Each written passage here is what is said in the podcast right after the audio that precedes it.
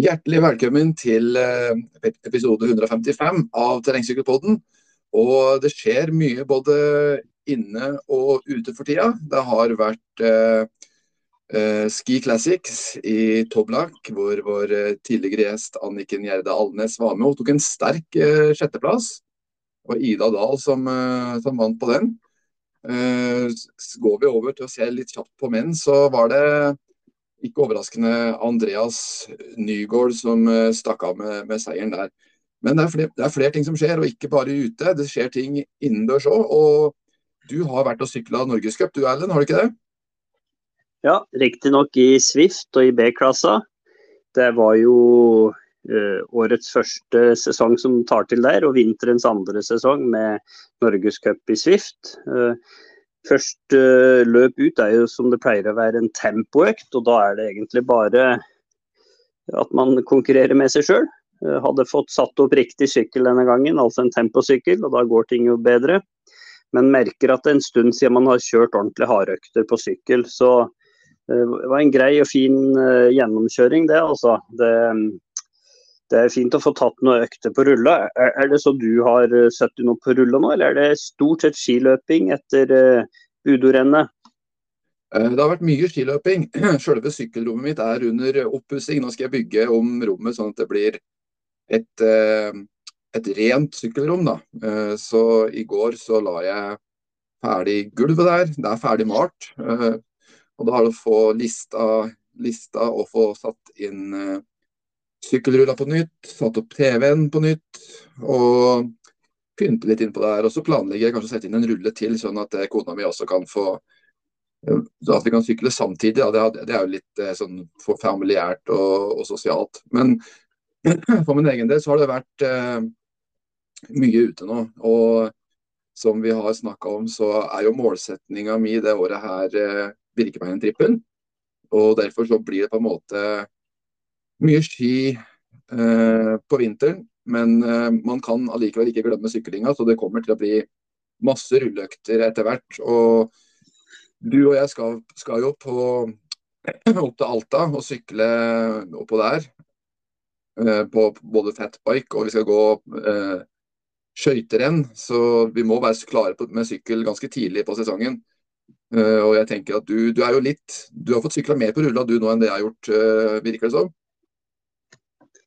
Ja, det har ikke vært mange øktene. Det har vært kaldt ute. Så, men det var veldig godt å få en sånn økt. Og, og man merker jo da at trening man har gjort tidligere, det hjelper på det. Kombinert med skitrening og løpetrening og styrketrening, så, så holder man formen eh, greit ved like. Selvsagt er det viktig det å trene spesifikt. Så eh, en økt i uka. Nå kjøres det vel eh, Swift Norgescup hver eneste onsdag framover. I seks uker eller noe sånt. Så jeg skal prøve å få med meg de øktene, i hvert fall som man minst har en god hardøkt på, eh, på sykkelen i uka. Uh, rolige økter hvis det lar seg gjøre. da. Uh, ellers er det jo greit å få gått litt på ski nå. Uh, nå begynner jo det meste å komme på plass til Vi skal opp til Alta. Vi har jo fått lånt mye utstyr der oppe. Og ikke minst nå har jeg fått kjøpt inn både skøyteski og skøytesko og staver, og så nå er det egentlig bare å ta det i bruk. Men eh, du har jo utstyr som fungerer fra tidligere. Det var ikke så du hadde et par ski fra 90-tallet som fortsatt gjør susen? Jo da, jeg har det. Så jeg eh, har eh, et par skøyteski og skøytesko siden jeg var ja, når jeg ga meg med skiskøyting, så var jeg vel 18 år. Så det, ja, og jeg hadde de skia der iallfall et års tid i forkant, tror jeg. sånn at det, det, begynner jo å dra litt på åra. Men eh, det er klart at det, ski det er som en god vin. Vet du. Jo lenger den lagrer den, jo bedre blir den. Er det ikke sånn, da? Jo, absolutt. Det er, det er, noe med det der.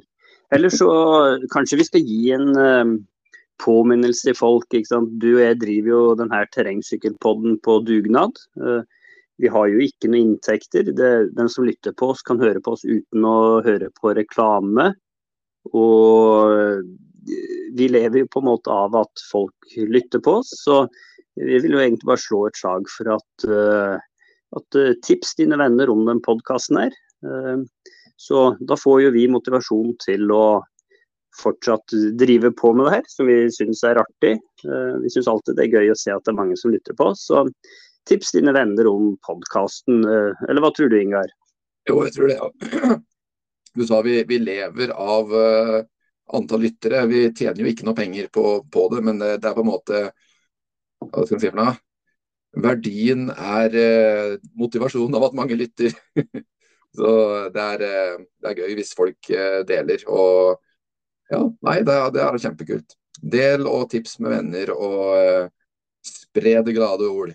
Det, det setter vi pris på. Ellers så har vi en litt, eller veldig artig nyhet. Knut Røme har blitt eh, proffsyklist. Eh, han har begynt å sykle for et eh, lag som heter Cube.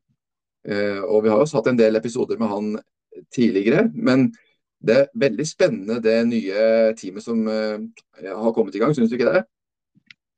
Jo, absolutt. Også at flere av de norske nå signerer for eh, profesjonelle team. Nå vet vi at noen også ikke lenger har kontrakt, men for landslaget sin del, eh, vi vet jo at Sykkelforbundet og ikke minst terrengbiten sliter veldig økonomisk. det er krevende å reise rundt og delta på ritt. Det er kanskje jeg ser jo at den bruker et ord som krise, eh, egentlig, i forhold til nedbemanning og kutt i rammene for norsk terrengsykling.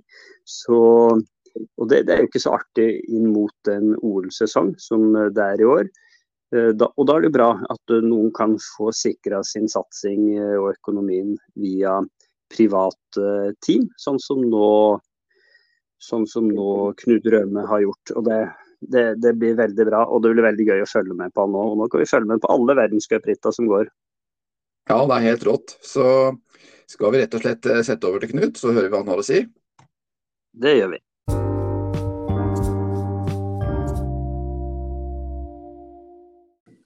Da har vi i Terrengsykkelpodden fått med oss Knut Røme nok en gang.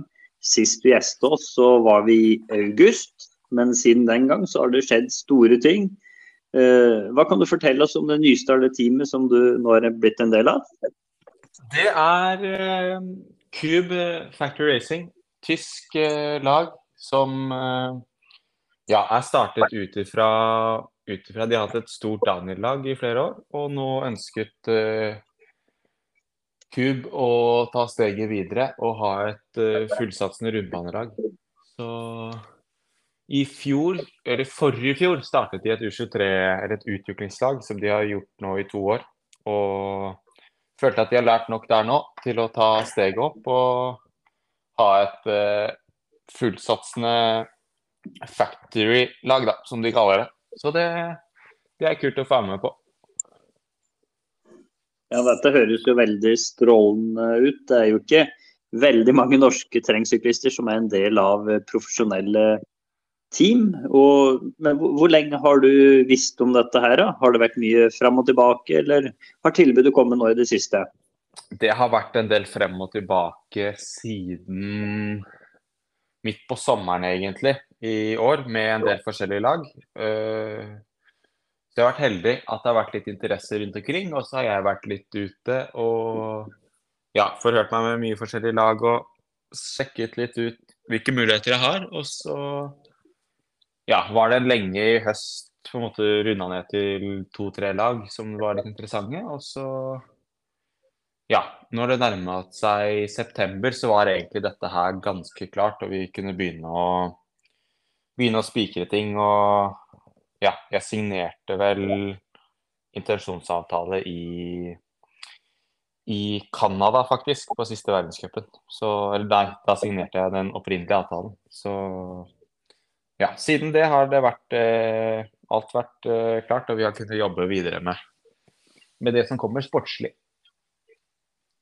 Ja, dette høres jo veldig lovende ut. Og, og, hva innebærer egentlig det for deg, da, å være en del av et team? Du har jo gjennom mange år vært en del av satsing gjennom landslaget, og det har jo gått veldig bra med både deg og flere der. Men til å bli en del av et team, hva, hva, hva kan det gi deg som utøver? Eh, det største det gir, er jo en, eh, en eh, trygghet rundt økonomiske rammer og og satsing og på en måte være sikker på at man får være med på de rittene man ønsker. Eh, og det gir jo hjelp med utstyr og ja, støtteapparat og den delen rundt. Eh, men det som er størst sånn på et vis for min del er jo også litt at det, det blir jo Jeg er jo plutselig en, har en arbeidsgiver, og jeg er nå kan jo plutselig kalle Jeg har jo kunnet gjøre guttedrømmen om til en jobb. Eh, som kanskje er det som blir liksom det største for min del. Å kunne plutselig si at jeg Ja, at jeg tjener penger på å sykle, drive med terrengsykling. Eh, så det er jo et stort steg. Ja, det er jo blitt eh, etter hvert ganske mange norske terrengsyklister, og alle har jo sikkert en liten drøm i seg da, om å bli utenlandsproff. Og du har jo klart det. og Det nåløyet der, det er ganske trangt. og eh, Hva kan du si, liksom, hva, hva har vært uh, grunnen til at du har klart det? Har, har, det vært noe mer enn bare de resultatene du har å vise til? Det ble jo nummer 32 sammenlagt da, i verdenscupen i fjor. og er det noe mer? Er det noen nøkkelfaktorer som har bidratt til at du har klart å få til en sånn avtale? Eh, ja, klart Resultater har jo mye å si, men jeg tror det som har vært, som jeg har hørt en del fra de jeg har vært i kontakt med, er at progresjonen min de siste årene har jo sett interessant ut. Eh, så måten jeg på en måte har jobbet meg på en måte oppover fra U23, første års elite og til i år, da, så har det vært en sånn jevn og fin utvikling som eh, de utenlandslagene syns at ser på en måte bærekraftig og fornuftig ut. Eh, og som man da på en måte kan stole på at kommer til å vare lenger. da. Eh, men så kommer jo altså alle mulige sånne personlighetsting og ja, litt hvordan man har oppført seg og hatt lite problemer med utstyr. og Det er liksom, det er mye forskjellige faktorer, men til syvende og sist så er det jo resultater som de ser på. Eh, men så, ja, man starter jo på en måte med resultater, og så går man inn i samtaler, og da blir jo på en måte treningsfilosofi og personlighet og ja, alt sånt annet tatt litt mer i betraktning. Men uh, det er ikke noe hemmelighet at resultater er beste måten å komme seg inn døra på. Ikke sant. Og de resultatene de har jo ikke kommet av seg sjøl. Vi sa jo det at du har vært en del av landslaget, men landslaget de, de dekker jo ikke alle konkurranser og den slags. Du må, du må jo ha lagt ned mye egeninnsats og uh, gjort mye sjøl for å få til det her. Ja, men altså jeg må jo alltid rette utrolig stor takk til landslaget og Eddie og Lars til at jeg har klart å komme meg dit jeg har kommet. Og det er det som har vært målet. Altså målet til landslaget er jo på en måte å være et springbrett fra det norske nivået altså ut i den store verden. Og så er det situasjonen sånn nå at man har ikke økonomi til å holde på, holde på rytterne og på en måte være med for lenge. Så man ønsker jo at folk skal ut. Så jeg jo, blir jo et resultat av et veldig godt system som har lykkes, da, som gjør at jeg har kunnet komme meg ut. Og ja, og da idet jeg kommer ut, så er det nå plass til en ny på det landslaget som vi kan prioritere å bruke penger på. Så det er jo også en fin ting der. Men selvfølgelig, som du sier, det er jo mye Jeg har jo stått i dette selv og hatt min egen motasjon og jobbet meg fra Jobbet meg gjennom juniorår og tidlig U23. Og ja, det krever en enorm stå-på-vilje, og det er, mange, det er ganske mange tusen treningstimer som ligger bak. Ja, det, det, skjønner vi virkelig når nåløyet er så trangt som det er. Og, og, du sier jo på en måte at det kanskje kan være både en lettelse og nå har du liksom oppnådd et mål, men, men kan det samtidig legge mer press på deg? At du, du nå kan si at du er proff? Eh, eller er det sånn at det kun tar bort press for at du nå slipper å forholde deg til økonomiske utfordringer og den biten der? Nei, helt klart. Det er, et, eh, det er to sider av den saken der. og det Altså, det er ingenting jeg heller skulle gjort enn å fortsatt i et trygt norsk system hvor jeg på en måte kan sykle og trene sammen med gode kompiser og være i et veldig godt utviklingsmiljø med trygge og fine rammer. Mens nå kastes jeg jo litt ut til ja, nytt og ukjent og et helt annet press i en helt annen måte. Eh, det er ikke noe hemmelighet at idet du er inne på lag, så er det jo en De har jo signert deg og gir deg lønn ut ifra en viss forventning om prestasjon. Um, så det blir jo en veldig stor del og viktig del å jobbe mye med fremover. Da, og sikre at man innad i laget har en god forståelse av hva som er viktig og hva man skal fokusere på. Men også for min egen del å senke skuldrene og fokusere på den samme jobben og gjøre ting på lik måte som jeg har gjort før. Og stole på min måte å prestere på, da. Ja, du, du hadde jo veldig gode resultater denne sesongen som var nå, og både borti Nord-Amerika og er det blitt liksom sagt litt om hva, hva teamet ditt forventer av deg? Liksom, er det at du skal ta nok et steg, eller, eller føler du at sånn som du har prestert, det er uh, mer enn bra nok? Eh, det er jo et godt spørsmål. Det er jo litt sånn um, På et vis så føler man jo at det man har prestert er bra nok, i og med at man har kommet seg inn døra. Uh, så mye av presset ligger jo på en måte fra meg selv òg, på at jeg vil jo hele tiden ta steg og fortsette utviklingen.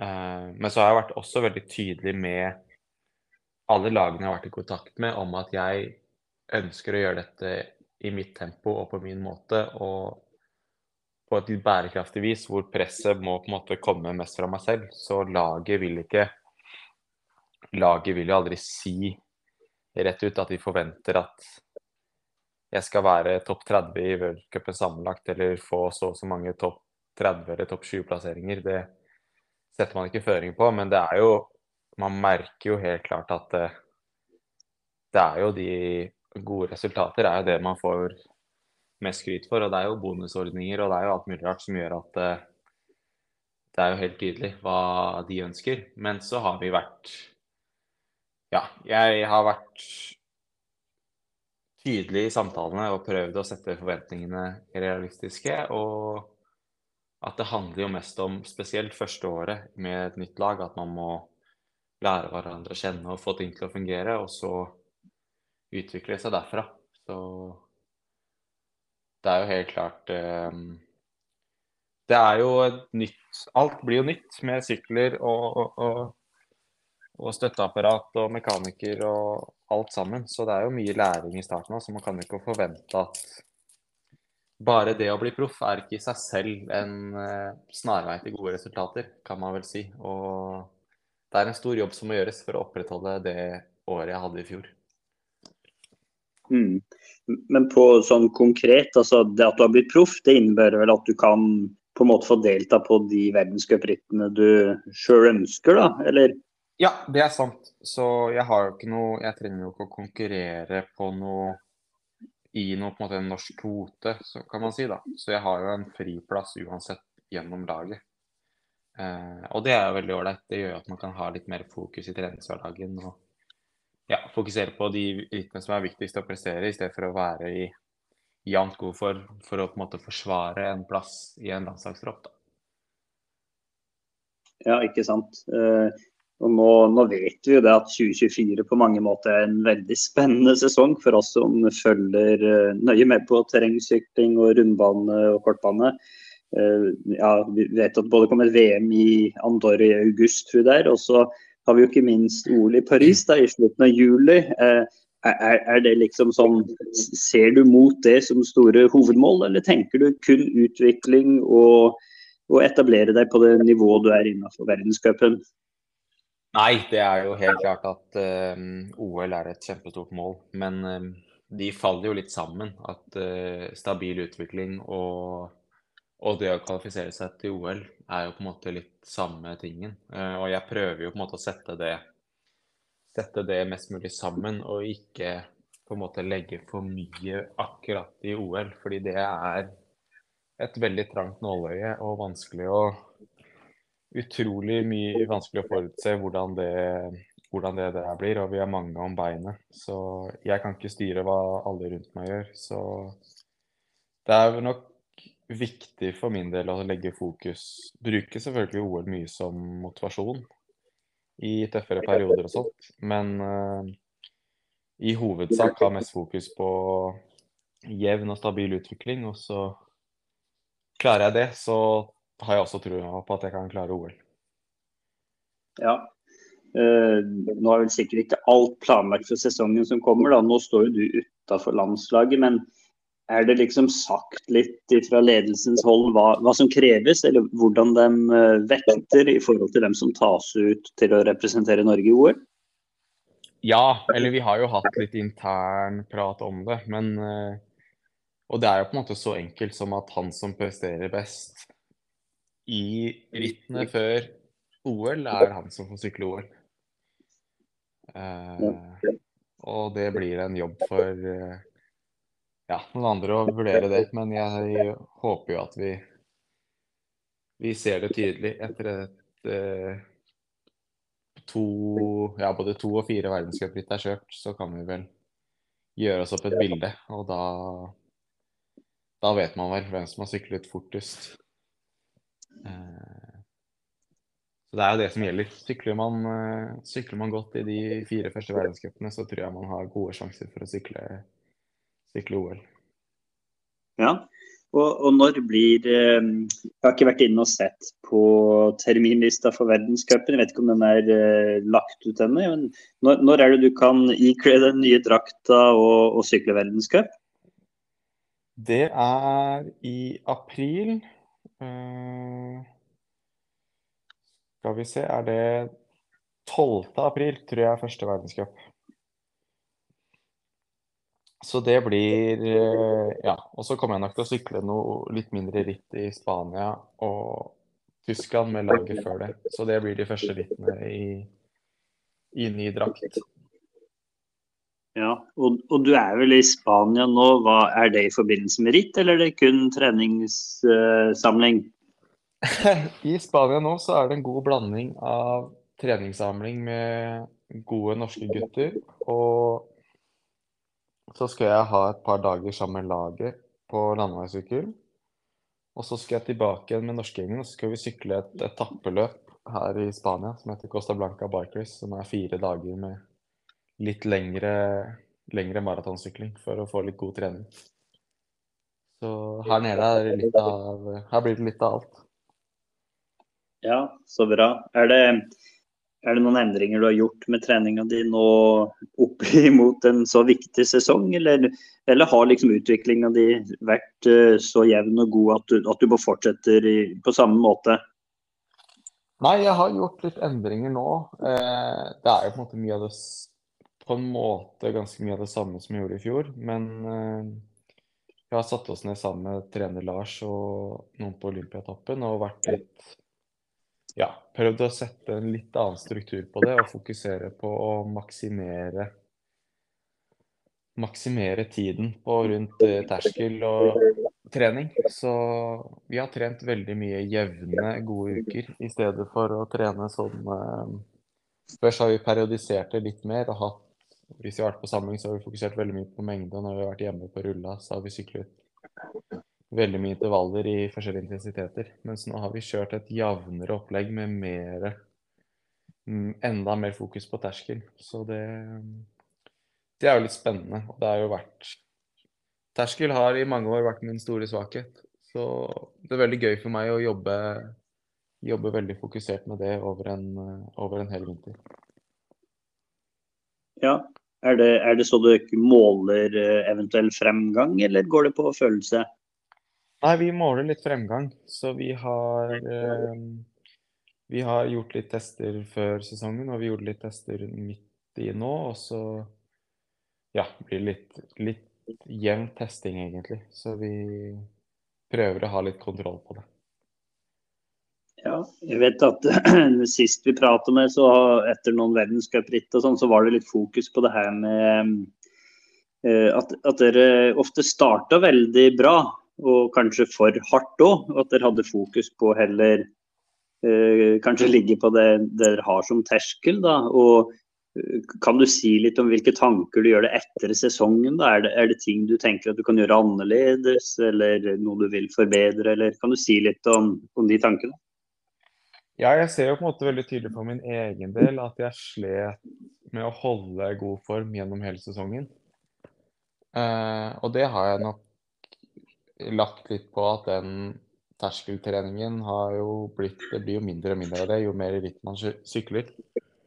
Eh, og da blir det litt mer eh, For min egen del, idet jeg mister litt av selvtilliten på hvor god den terskelen er, så mister jeg litt selvtilliten på den jevne farten i et ritt. Og da da falt jeg litt tilbake igjen til å sykle enda hardere starter for å heller være med i gode grupper. Men eh, ja, da hadde jeg ikke helt formen til å henge med, så da ble det litt mer sånn Litt mer bingo i, i syklingen. Så det er vel det vi prøver å jobbe litt mer med nå. Og så blir det nok litt mer fokus på det gjennom, gjennom sesongen som kommer også. Å holde, holde litt mer på treningsmengden og kanskje sykle litt mindre ritt.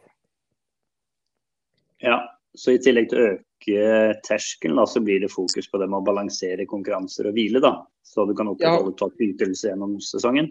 Ja, konkurranse, hvile og gode treningsperioder. Uh, og skal man få til alle de tre tingene, så må antall ritt antageligvis litt ned. Så. Det blir nok uh, i grove trekk det som blir litt annerledes for sesongen som kommer. Og det man har lært da, fra sesongen som har vært. Ja, men tolker det riktig da, hvis fokus blir kanskje mot mesterskap og verdenscupritt, og andre ritt uh, blir mindre viktig i, så, så, måte? Ja, det stemmer. Det blir uh, absolutt sånn. Så jeg har jo vært heldig og syklet veldig mye gode ritt og fått mye UCI-poeng. Så jeg kan nok uh, ta det litt mer med ro på det jaget etter UCI-poeng for å få kjøre kortbane og fokusere enda mer på å prestere de rittene jeg faktisk stiller opp i. Hmm. Uh, hvis vi går litt over på det her med utstyr, da. Er det så du har fått uh, din nye sykkel allerede, eller? Nei, den uh, Vi Jeg var litt Kom med Eller vi hadde litt prater om utstyr tidlig i september, egentlig. Og vi ble enige om at vi måtte gjøre om litt på den sykkelen de har nå. Så der kommer det en prototype bakramme som ble levert nå. Så jeg håper Eller ja, så nå driver vi litt med logistikk, men jeg håper at det dukker opp en sykkel i løpet av de neste dagene i Spania her nå. Ja, men, men du men, sa at det var et tysk merke, eller var det det så? Ja. Cube er, Cube er et, et tysk merke. Er det så du vet hvem som er For mange av våre lyttere er jo veldig utstyrsinteresserte sånn. Vet du hvem som er forhandler for det i Norge? Har du kunnskap om ja, det? Ja, Største forhandler av Cube i Norge er faktisk XXL. Eh, men de har jo litt eh, De har jo hovedfokus på mye av mellommodellene til Cube, og selger ikke så mye av de aller beste syklene. Men eh, ja, de også håper jo at vi kan være med og gjøre litt om på, men uh, Og så er det noen andre små leverandører i Norge, men de husker jeg ikke akkurat nå. Men XXL er hoved uh, største, største leverandør av Cube i Norge. Ja.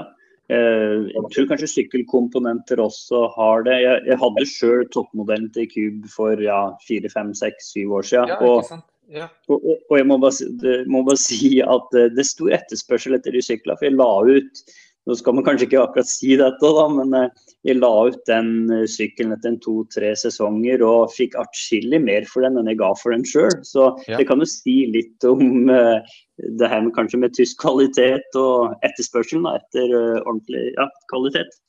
Ja, ja. Nei, og det virker som jeg har fått både landeveissykkel og sykkelcrossykkel, og det virker som utrolig bra sykler. Og jeg har vært en, eh, jeg har vært en tur nede på fabrikken der og sett litt hva de driver med. og det Tysk kvalitet kan man absolutt si at det er, og det er utrolig mye flinke folk eh, rundt omkring i forskjellige avdelinger der. Så som jeg er heldig å få jobbe tett på nå det året her, så det er veldig spennende å se litt fra hvordan sykler utvikles og lages fra innsiden.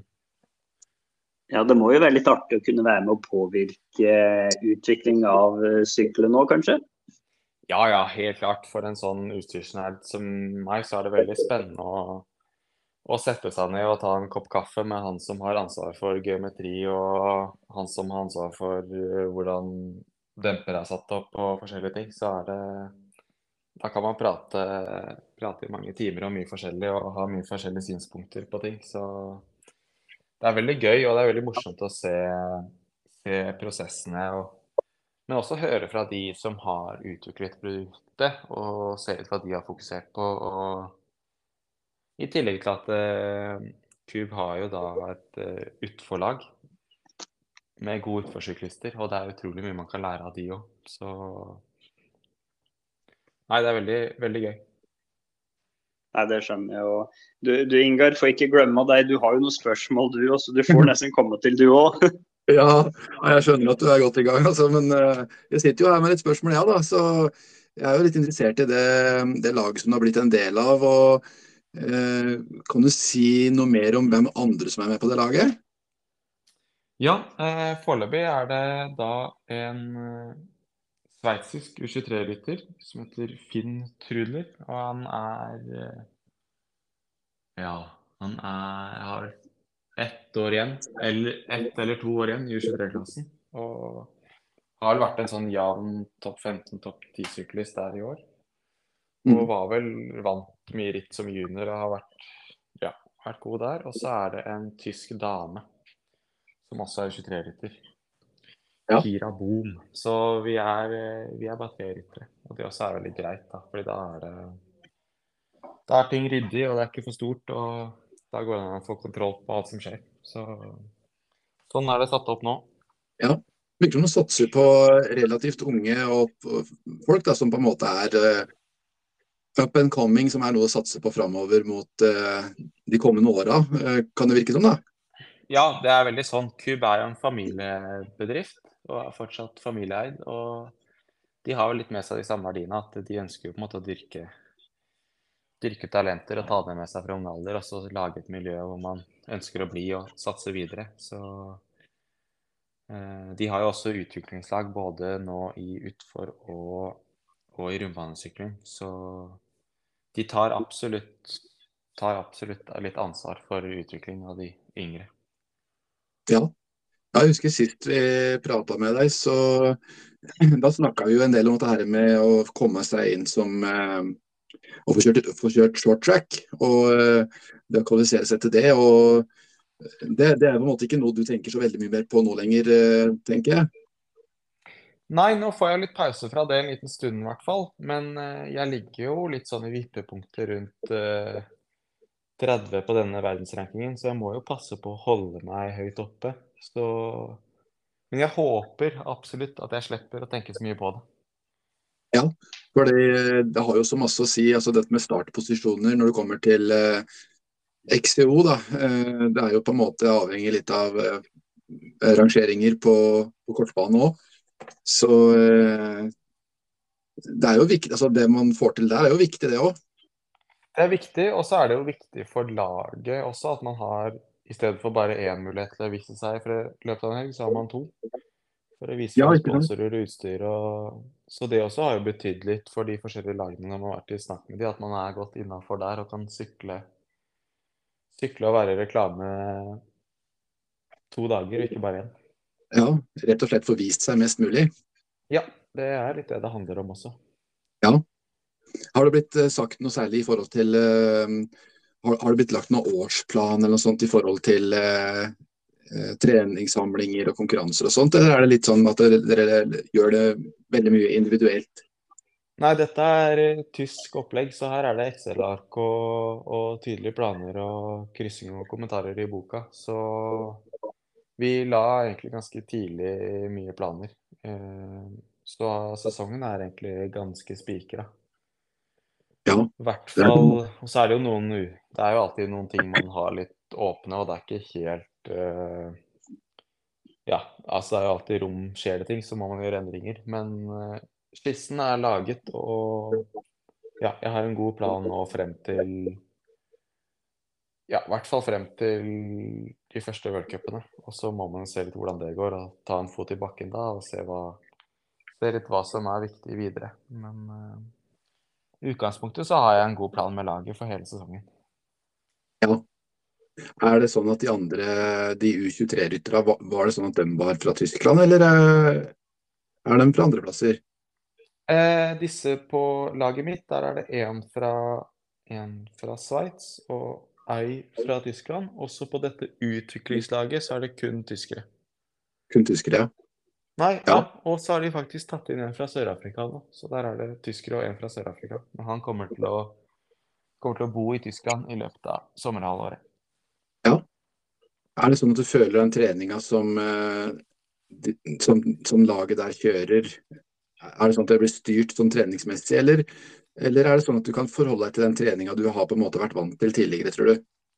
Nei, jeg får forholde meg til både trener og trening jeg har eh, før. Uh, og det har vært veldig viktig for meg i forhandlinger med alle med lag, at jeg skal få lov til å beholde, beholde Lars som trener. For jeg har hatt såpass Den utviklingen jeg har hatt sammen med han, den har jeg lyst til å fortsette. Og ja, jeg hadde ikke klart å komme meg dit jeg er nå uten den hjelpa. Så den har vært viktig å fortsette med. Og så er det viktig for meg å kunne fortsette å trene mye med de norske gutta. og og holde på det miljøet her. Så hoveddelen med laget her er jo oppfølging rundt ritt, og så er det noe små samlinger, men hovedjobben gjøres sammen den samme gode norske gjengen. Ja. Nei, vi, skulle, vi skulle egentlig hatt en prat med han eh, Lars òg, for å høre litt om treningsfilosofier og sånne ting rundt han. For han er tydelig, tydelig en vis mann, for å si det sånn.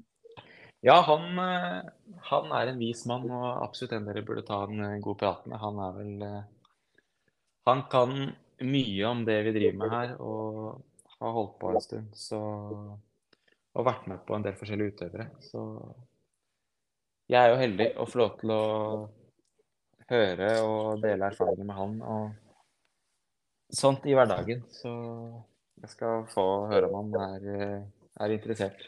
Ja, du må gjøre det. Så må du si en, eh, gi oss et lite vink på det, for han hadde vært ordentlig interessant å snakke med. altså. Mm, absolutt. Så, ellers nå eh, Vi er jo på en måte godt inne i vinteren, egentlig. Og for mange av oss som bor her i Norge, så er det jo litt sånn halvvanskelig å sykle ute. Det går jo an, men det er ikke alltid like lett. Men eh, er det sånn at du legger mye av treninga di nå eh, på barmark i, i utlandet, eller er du av og til hjemme i Norge og går, på ski og sånne ting? Ja, det blir jo en blanding av begge deler. Eh, men eh, jeg skal jo ærlig innrømme at nå ble det mye desember ute, og så ble det, blir det mye januar ute. Men jeg har jo hatt en to uker hjemme nå i jula og kosa meg på ski og, og sykla litt på rulla. Så, og det syns jeg jo er Det er litt godt å få et avbrekk fra, fra det samlingslivet og, og gjøre litt forskjellig. Og jeg tror jo at man eh, skal prøve så lenge det gjør seg, å holde litt på den allsidigheten ved at man gjør litt annet enn å bare sykle også. Ja, jeg, tror- jeg tror kanskje det er godt for det mentale at man kan øh, veksle litt, grann, og ikke bare sykle hele tida, kanskje. Ja, ja, helt klart. Uh, det er nok veldig, veldig sunt. Og så er det nok sunt for kroppen generelt å ikke bare henge over dette sykkelstyret hele tiden, men måtte litt opp og frem med overkroppen på litt langrennsski også. Har nok vi syklister godt av.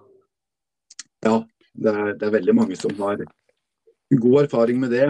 Eh, hva, han, eh, Jørgen eh, Nordhagen er jo en av dem. Han, eh, han er ganske ung fortsatt, men han ble jo nummer åtte i NM i, fjor eh, på, på langrenn, skøyting riktignok. Eh, men, han er på en måte blitt tatt opp eh, på et landeveislag nå. Eh, på ja, Hva var det det laget het igjen, da? Det vet sikkert du, Erlend. Uno Visma, ja. ja. Stemmer Jumbo det. Visma, ja. Jumbo Visma. nå blir det vel Visma Leasebike, eller hva det er. Men Ja, Så nei, de blir, de blir populære, de, disse som har høyt oksygenopptak fra langrenn. Ja, så man ser at det, det går an å kombinere ganske langt opp i, i alder. Eh, Men, men før eller senere så når man jo et eh, punkt hvor man må velge, da. Så da er det på en måte Ja å velge enten langrenn eller sykkel. Men det er, det er jo liksom fint å kose seg litt med den ene eller andre tingen uansett, egentlig. Absolutt, det er det. Og det er eh, i hvert fall når det blir mye rullesykling, så er det godt å komme seg ut. Det er det absolutt. Er det sånn at du er en av de som på en måte eh, drar ut konkurransesesongen lengst mulig og er aktiv på cyclocross, cyclocross-sesongen også, eller, eh, eller eh, er ikke du med, så mye med der? Jo, jeg var med litt i år, men um, det var ikke noe Ja, jeg har jo, syns jo det er utrolig moro. Men uh, nå hadde jeg såpass tydelig offseason lenge at da, da var det ikke mye form igjen eh, når det var cyclocross. Og den cyclocross-sesongen i Norge er jo såpass kort. Så da Jeg var med der, men det var ikke så synlig som jeg kanskje hadde håpet at det skulle være. Nei, man ser jo at form er ferskvare. Form er ferskvare, det er det absolutt. Det, Ja. det er ikke noe tvil om det. Nei. Er det sånn at dere kommuniserer, Har du noe mye omgang med sånne her eh, verdensstjerner som Thomas Pidcock og Nino Schurter og de, den gjengen her, eller er det mer for seg sjøl? De er nok mer for seg sjøl, men det er jo altså, vi snakker jo med dem når vi er på ritt og slikt. Men altså gjennom eh, Ja, det er ikke noe Det er ikke noen vi kommuniserer med på, på daglig basis akkurat, nei. Eller på noe annet enn utenom når man møtes eller er på løypa sammen, eller hva det måtte være. Nei, de er på en måte litt sånn Som du kaller for noe? Litt sånn superstars, nesten. Ja da, de er jo det. Men så er de bare folk, de òg. Så tar du, slår du av en prat når man møtes på løypa, så er det, snakker de som alle andre. Men eh, det har jo noe med at man har ikke så mye til felles sånn annet enn at man er syklister heller. Så det er ikke en helt naturlig en helt naturlig tråd å ta heller. Nei. Nei, det er det vel ikke, kanskje. Så jeg tenker litt i forhold til eh, Fra den ene til den andre tingen. Eh, når det gjelder norsk eh, terrengsykling, så jeg, jeg må si at jeg er veldig positiv til eh, utviklinga framover nå. Det, det er så fryktelig mange som er med og kjemper helt oppe i teten. og Ser man på juniorklasser også, så er det jo fryktelig mange der. Eh, Sivert Eckrold f.eks. er jo rangert som helt, eh, helt på topp på verdensbasis. Eh, har, du noen tanker rundt norsk, eh, norsk eh, terrengsykling på, på verdensbasis, du? Ja, altså det er jo ikke noe hemmelighet at jeg tror det vokser utrolig bra og er i liksom fullt firsprang fremover. Det har jo vært Det går jo alltid litt i bølger, men nå ser det ut som at vi har fått Nå er det på en måte et jevnt pådrag av gode sykkelryttere i, i alle aldersklasser, kan man jo faktisk si. Og det er det lenge siden det har vært. Så det ser utrolig lyst ut. Og det kommer nå en haug med ja, juniorer, og så er det mye nå juniorer som går opp i U23-klassen som det blir spennende å følge med på. Og så er det en del gutter som nå har begynt å etablere seg altså litt i U23-klassen, som ja, jeg tror kommer til å sykle fort i året og årene som kommer. Så jeg tror Norge Det er ikke altfor lenge til Norge plutselig er en terrengsykkelnasjon. Nei, det er det jeg tror òg. Så vi har på en måte vært sånn, litt sånn underdog i forhold til eh, langrenn og, og friidrett og, og fotball og litt, litt sånne ting. Men eh, eh, jeg, jeg har jo på en måte veldig trua på at vi kommer til å bli en sånn en stor eh, idrett eh, sånn på no nasjonalt sett eh, i Norge også. Så positivt innstilt. Helt klart. Jeg tror det er medvind i seila eh, for norsk terrengsykling fremover. Så vi er jo utrolig heldige, og det er mye gode klubber og ivrige arrangører. Og ja, og det gror godt og er, er gode miljøer jevnt over i landet som bare vokser og vokser. Og det, det er utrolig godt å se. Det er det virkelig. Så, men da tenker jeg at eh, vi rett og slett skal bare få ønske deg en, en god treningssamling i, i Spania. Og så eh, håper vi å få deg med senere òg, når vi får eh, litt mer resultater å, å se på. Det får vi absolutt gjøre. Jeg skal nyte, jeg skal nyte gode, lange treningsdager her nede i Spania. Så får dere fortsette å gå skirenn og stå på. Så, så kan vi ta en prat når det er kjørt, blitt kjørt litt ritt og vi kan se litt hvordan ting går. Ja, vi gjør det. Så eh, for tusen takk for praten, og så høres vi. Det gjør vi absolutt. Takk for praten. Supert. Ha det bra, da. Fint det. Hei.